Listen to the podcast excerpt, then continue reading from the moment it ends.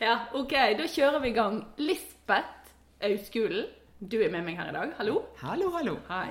Du, også er det meg, Katrine Åsekjær. Jeg er lærer på Høgskolen på Vestlandet. Og du er her fordi at du skal snakke om svangerskapsomsorgen. Og du er jordmor i Prekkau kommune? Ja. Eller Mæland. Eller Mæland, ja. Ja. En, en mindre kommune nord for Bergen. Ja. Eh, og eh, som vi på en måte Jeg har jo aldri jobbet i svangerskapsomsorgen. Eh, jeg har jobbet på kvinneklinikk og fødeenheter, og på en måte står liksom i mottaksenden.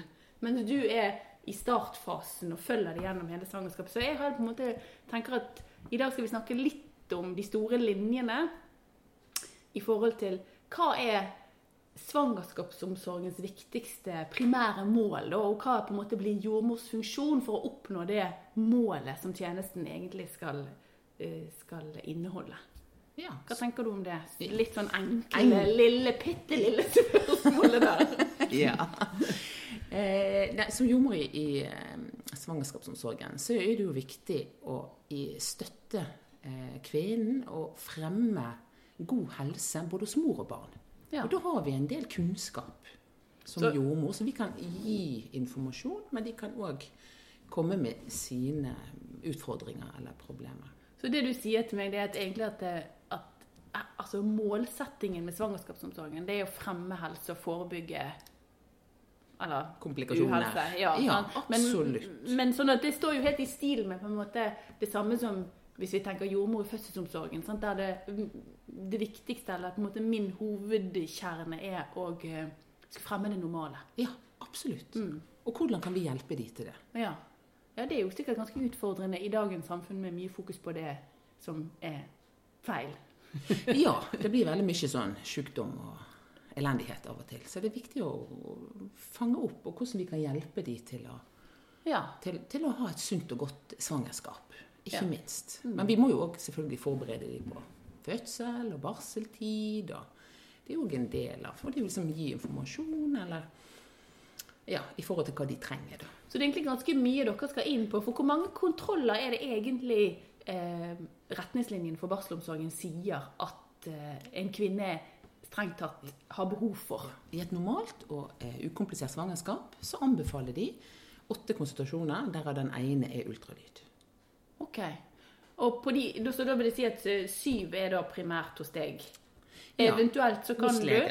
Ja, for det, det sier vel også retningslinjen at halvparten kan Altså at kvinnen selv kan velge i, om hun vil gå til lege eller jordmor. Ja, og det tenker jeg er kvinnens valg. Ja. Ønsker de å gå kun til jordmor, så skal de få lov til det. Ønsker de å gå kun til lege, så skal de gjøre det. Men noen trenger en, en balanse. At de går litt til jordmor og litt til lege. Føler at det kan være det tryggeste for seg. Men det betyr da, eh, Lisbeth, at for eksempel at jeg kan enten velge om jeg vil ha mine syv kontroller bare hos deg, Ja. eller jeg kan fordele de sånn jevnt mellom legen. Ja. Men hva gjør det med oppfølgingen da? Hvis jeg, la oss si at jeg velger halvparten hos lege og halvparten hos deg, og så er ditt viktigste mål det å fremme helse og forebygge sørge for Altså jeg bare tenker at Da har du kanskje tre konsultasjoner, kanskje fire på en god dag. Ja, ja på en god dag. skulle gjøre det. Altså, Hva utfordringer gir det deg som, som jordmor? Det er en utfordring, fordi at man, først skal man bli kjent for å vite hva de trenger. Eh, og dessuten så går det veldig lang tid mellom hver gang man har en konsultasjon. Ja. Eh, Så det er absolutt en bakdel. Em, eller ulempe.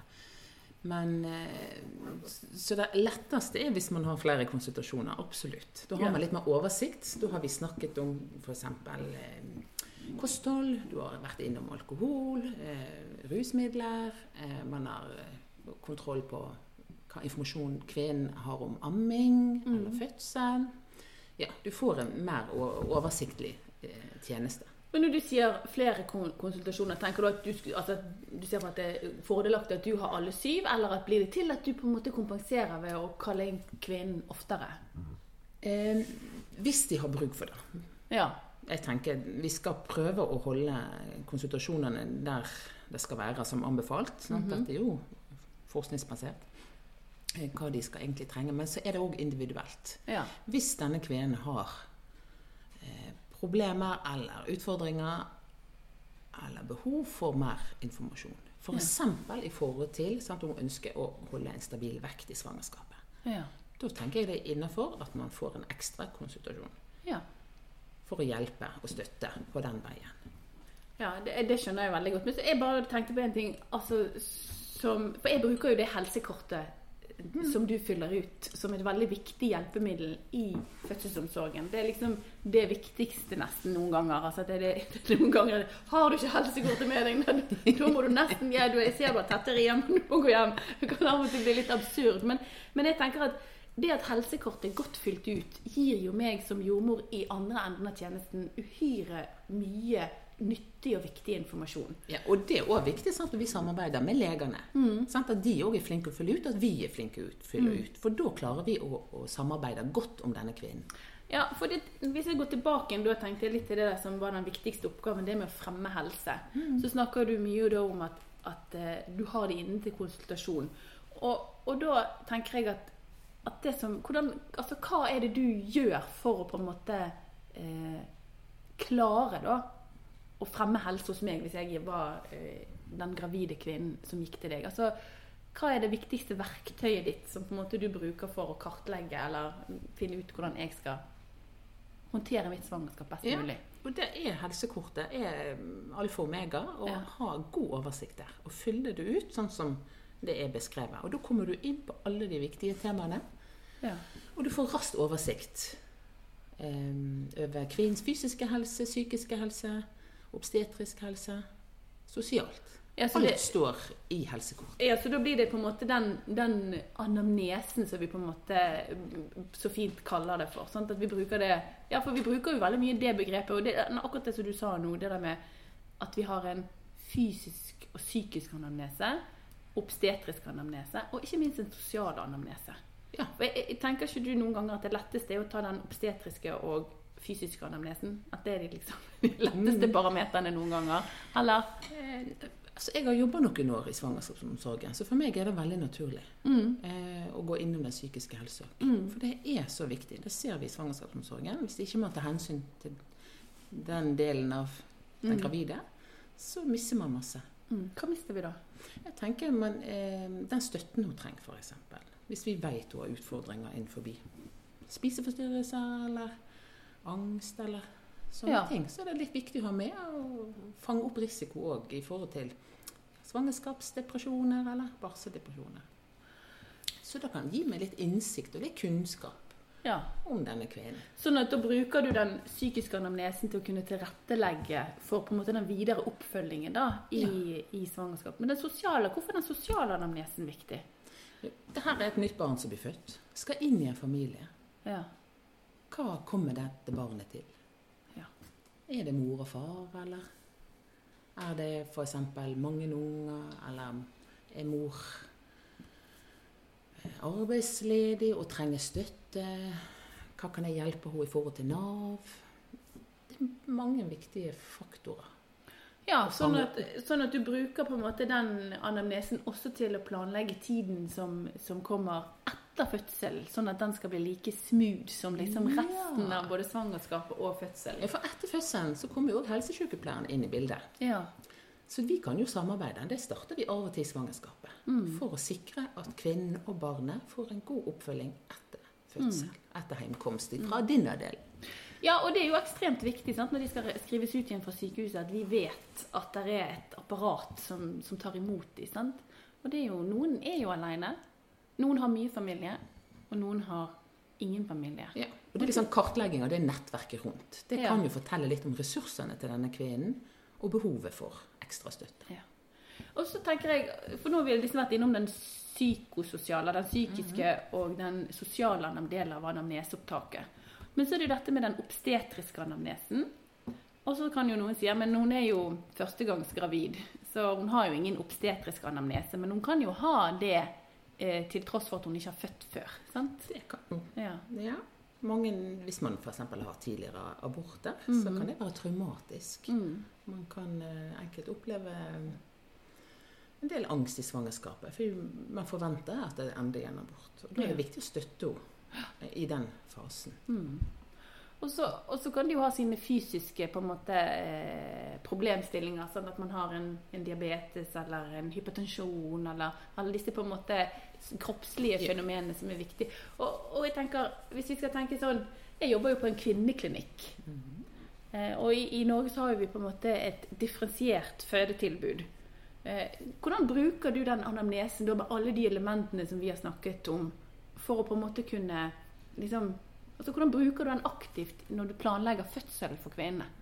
Jo, eh, på bakgrunn av den anamnesen så kan jeg finne ut eh, hvor skal denne kvinnen føde. Ja. Eh, jeg hadde ei som var, skulle da føde med elektiv sexio, eh, keisersnitt da, planlagt i uke 35. Mhm. Eh, det var ikke f.eks. Voss interessert i. Eh, fordi at dette var sant, risiko for barnelege. Så de tenkte nei, den, akkurat denne hun kan gå på kvinneklinikken og føde. Mm. Det var en vurdering de gjorde. da, sant? Mm. Eh, sånn at eh, det er litt viktig å vite hvor skal du føde. Hvis man f.eks. har en eh, diabetes i bunnen, Mhm. eh, så vet jeg at du får ikke føde på Storken. Så da trenger jeg ikke Da kan vi liksom forberede kvinnen på at du må føde på en fødeavdeling på kvinneklinikken. Ja, og storken det blir på en måte sånn ABC, sånn eh, helt, helt, helt alt er normalt. Det er alt normalt, og det er jordmorstyrt. Ja. Det skal ikke være patologi inni. Ja. Så det å gjøre en god anamnese det er egentlig uhyre viktig for at du kan selektere kvinnene til rett fødenivå. Ja, Tenker du. Lisbeth, at noen ganger så har du, eller så har vi i svangerskapsomsorgen, eller for så vidt i fødselsomsorgen også, gjort feil i den forstand at vi har ikke gjort en god nok seleksjon? Altså at det oppstår komplikasjoner i en fødsel som kunne vært unngått hvis hun hadde vært selektert til rett fødenivå? Altså hvis det hadde vært gjort en grundigere anamnese i svangerskapsomsorgen? Ja, det tenker jeg at man kan glippe på. Ja. Hvis man tar en veldig overfladisk, rask anamnese og bare spør ja, har du noe å fortelle meg, er det noe som er viktig? Og det er ikke sikkert kvinnen sjøl vet om det. Derfor må vi som fagpersoner gå systematisk gjennom helsekortet, sånn at vi kan fange opp hva, hva som er riktig for denne kvinnen. Ja, og så for, da, tenk, da slår det meg sånn en ting. Det, dette med et anam anamneseopptak, det er jo en ganske sånn kompleks eh, problemstilling, eller, eller eh, arbeidsoppgave, er vel egentlig mer riktig å si, for deg som jordmor i svangerskapsomsorgen. For det er jo ikke sånn at anamnese gjør du på første konsultasjon, så er du ferdig med det, eller? Nei, det er noe, ting endrer seg. Sant? Hvis jeg kommer til meg i uke åtte, så er jeg ikke tilbake igjen før uke 24. Nei. Veldig mye kan skje i den perioden. Ja, sånn at det betyr at jeg kan i prinsippet være eh, differensiert eller selektert til å være en normal gravid i uke 8. Og så når jeg kommer til deg i uke 24, så har det f.eks. skjedd noe som gjør at eh, Hva kan det være, f.eks. da? Hvis de har vært på ultralyd, Ja, de har sett noe i forhold til morkake, ja, hvor den er plassert, om det er noe med barnet, misdannelser eller ja. liten vekst eller Eller at jeg kan plutselig ha et blodtrykksstigning. Ja. Mm, ja. Så da har du på en måte eh, Men da blir det jo en del sånn fysiske parametere som på en måte er avgjørende. Men ja, for akkurat den seleksjonen. ja. Men jeg bruker grådig masse tid egentlig på å snakke om hvordan eh, kvinnen har det, og de tankene hun har. Mm. Så det er veldig mye der vi jobber og følger med òg. Men har du vært med på at du selekterer eh, til ulikt fødenivå avhengig av det psykososiale, altså den psykiske eller sosiale anamnesen til kvinnen? At du på en måte har sagt at fordi at slik og sånn Mm, det har absolutt skjedd. Det har vært kvinner som for sin del trenger å gå på en fødeavdeling. For de føler trygghet med å bli veldig overvåka. Ja, mens de egentlig i prinsippet er alt normalt. Ja, Ja. og motsatt. Som er veldig redd for apparaturer. Ja. Så tenker de nei, det er best at jeg er på Storken. Der, da kan jeg jobbe med meg sjøl. Og det vil senke mitt angstnivå i forhold til Men da er vel seleksjonen lettere den motsatte. Altså det er lettere å selektere en kvinne som eh, er, er i prinsippet normal, men som har på en måte litt sånn Jeg ønsker overvåkning. Enn hvis jeg på en måte sier jeg har en svangerskapsdiabetes, eller jeg har en eh, preklamsi eller hypotensjon, eh, men jeg er så redd for alt overvåkningsutstyret, så for meg er det viktigere eller bedre å være på Storken eller på en ABC-klinikk. Det er vanskeligere å selektere meg den, veien. sant? ja. Så det er jo noen utfordringer knyttet til dette med seleksjon. Sant? At, for vi snakker jo om et sånt brukerperspektiv i både svangerskap og fødselsomsorgen, og det er ikke alltid at vi kan innfri den, da. Nei, og det er alltid det er fort gjort å finne noe som er utenom normalen. Og da er det fort gjort at man havner på et høyere Ja. nivå av seleksjon. ja, og så vet vi at, eh, at da er vi hissigere på å eh, intervenere, og så kan vi gjerne påføre istedenfor å fremme helse. Absolutt. Ja, spennende. Og så er det med og, jeg tenker Epidural det er jo et inngrep i en normal fødsel. Ja, men Det der med normalitet syns jeg er et veldig interessant eh, begrep å diskutere. For hva er normalt for deg, Lisbeth, og hva er normalt for meg? Og, og noen ganger så tror jeg du møter sikkert kvinner i svangerskapsomsorgen som har født tidligere, som av og til kanskje kan kjenne på et litt sånn Uff, nei, sist gang så måtte jeg ha epidural. Og da er du definert utenfor det normale. Sant? Ja jeg, Ja. Ja, i, i, altså, nå tenker jeg mer sånn i papir- og systemene våre. ja, i systemene våre. Sant? Ja, for jeg prøver alltid å formidle at dette er helt greit. Ja, du, du, det er ikke noe nederlag i det hele tatt Nei. å ta epidural. Og det er jo helt enig med deg. det. Ja, Ja, det nei, det, nei, nei, nei, det er veldig viktig at, det, Mm. At man kan kjenne på en mestring, selv om man har det. Men jeg tenker hvis vi som jordmødre kan hjelpe en kvinne f.eks. til å føde på en ABC-klinikk eller Storken, Mm. med at vi er til stede, da bruker vi håndlaget vårt, og vi Mm. bruker jordmorkunsten vår. Men hvis, hvis vi går tilbake for det der, jeg synes jo det der er litt spennende, dette med, med, med å selektere til rett fødenivå. Også dette med at du har da hele syv kontroller og skulle gjøre den vurderingen på. Sånn. Eller fire. Ja, nettopp. For det var det liksom var neste spørsmålet mitt. Det, var liksom, det er jo ganske utfordrende å skulle eh, få så mye informasjon på så kort tid. Og så skal du på en måte vurdere eh, Så det er ganske, det er ganske komplekst å være jordmor i svangerskapsomsorgen, altså. Å ja. det er ikke for hvem som helst. Det er ikke for hvem som helst, nei. Her, Kun, kun de beste havner der. kun, oh. Ja, men det, Men det er veldig lurt å ha litt bakgrunnskunnskap og erfaring. Det Ja. jeg, for jeg har jo jobba på fødeavdeling og barselavdeling. ja, Observasjonspost for gravide. Og all den kunnskapen tar man med seg i svangerskapsomsorgen. ja. Men hvis vi skal summere opp litt sånn overordnet, og det som jeg og deg har drodlet litt om nå, Lisbeth, Ja. så er på en måte, hvis jeg skal tenke litt sånn at det viktigste du gjør, er å fremme det normale hos enhver kvinne. Også kvinner som på en måte har med seg eh, eh, det som vi på en måte kanskje ville sagt som et avvik fra det normale. da. Ja. Altså fremme det normale i patologien òg, da. Ja, men, men selv om det ligger der som et avvik, så kan vi styrke alt som er mulig til å unngå at det har fått noen konsekvens. Ja. For mange kan jo ha noe patologi med seg, eller sykdom, eller Men uten at det trenger å få konsekvens, hvis vi følger opp på god og riktig måte. Ja. Og at, og at det som er på en måte det viktigste verktøyet ditt, er å da sikre en god anamnese for at du skal på en måte kunne hjelpe kvinnen til å føde på riktig nivå. Absolutt. Og ikke minst, for nå har vi på en måte snakket veldig mye om at din jobb er å på en måte sikre rett fødenivå. Men mye av jobben din handler jo også om å sikre rette barselnivå òg. Ja. Sant? ja. Og den oppfølgingen etterpå. Ja. Sånn at eh, det som skjer, den jobben du gjør som jordmor i kommunehelsetjenesten, er uhyre viktig for hele det på en måte eh, fødeprosessen, eller hele, både mm. fødsel og barseltiden. Ja, for du legger jo grunnlaget i svangerskapsomsorgen. Nettopp. Ja, kunnskap om amming, kunnskap om barseltid, kunnskap om tilknytning, hva barnet trenger, hva du trenger, hva kan du forvente når du har født. Hvis ikke du har kunnskap om dette, så kan barseltiden bli tøffere enn nødvendig.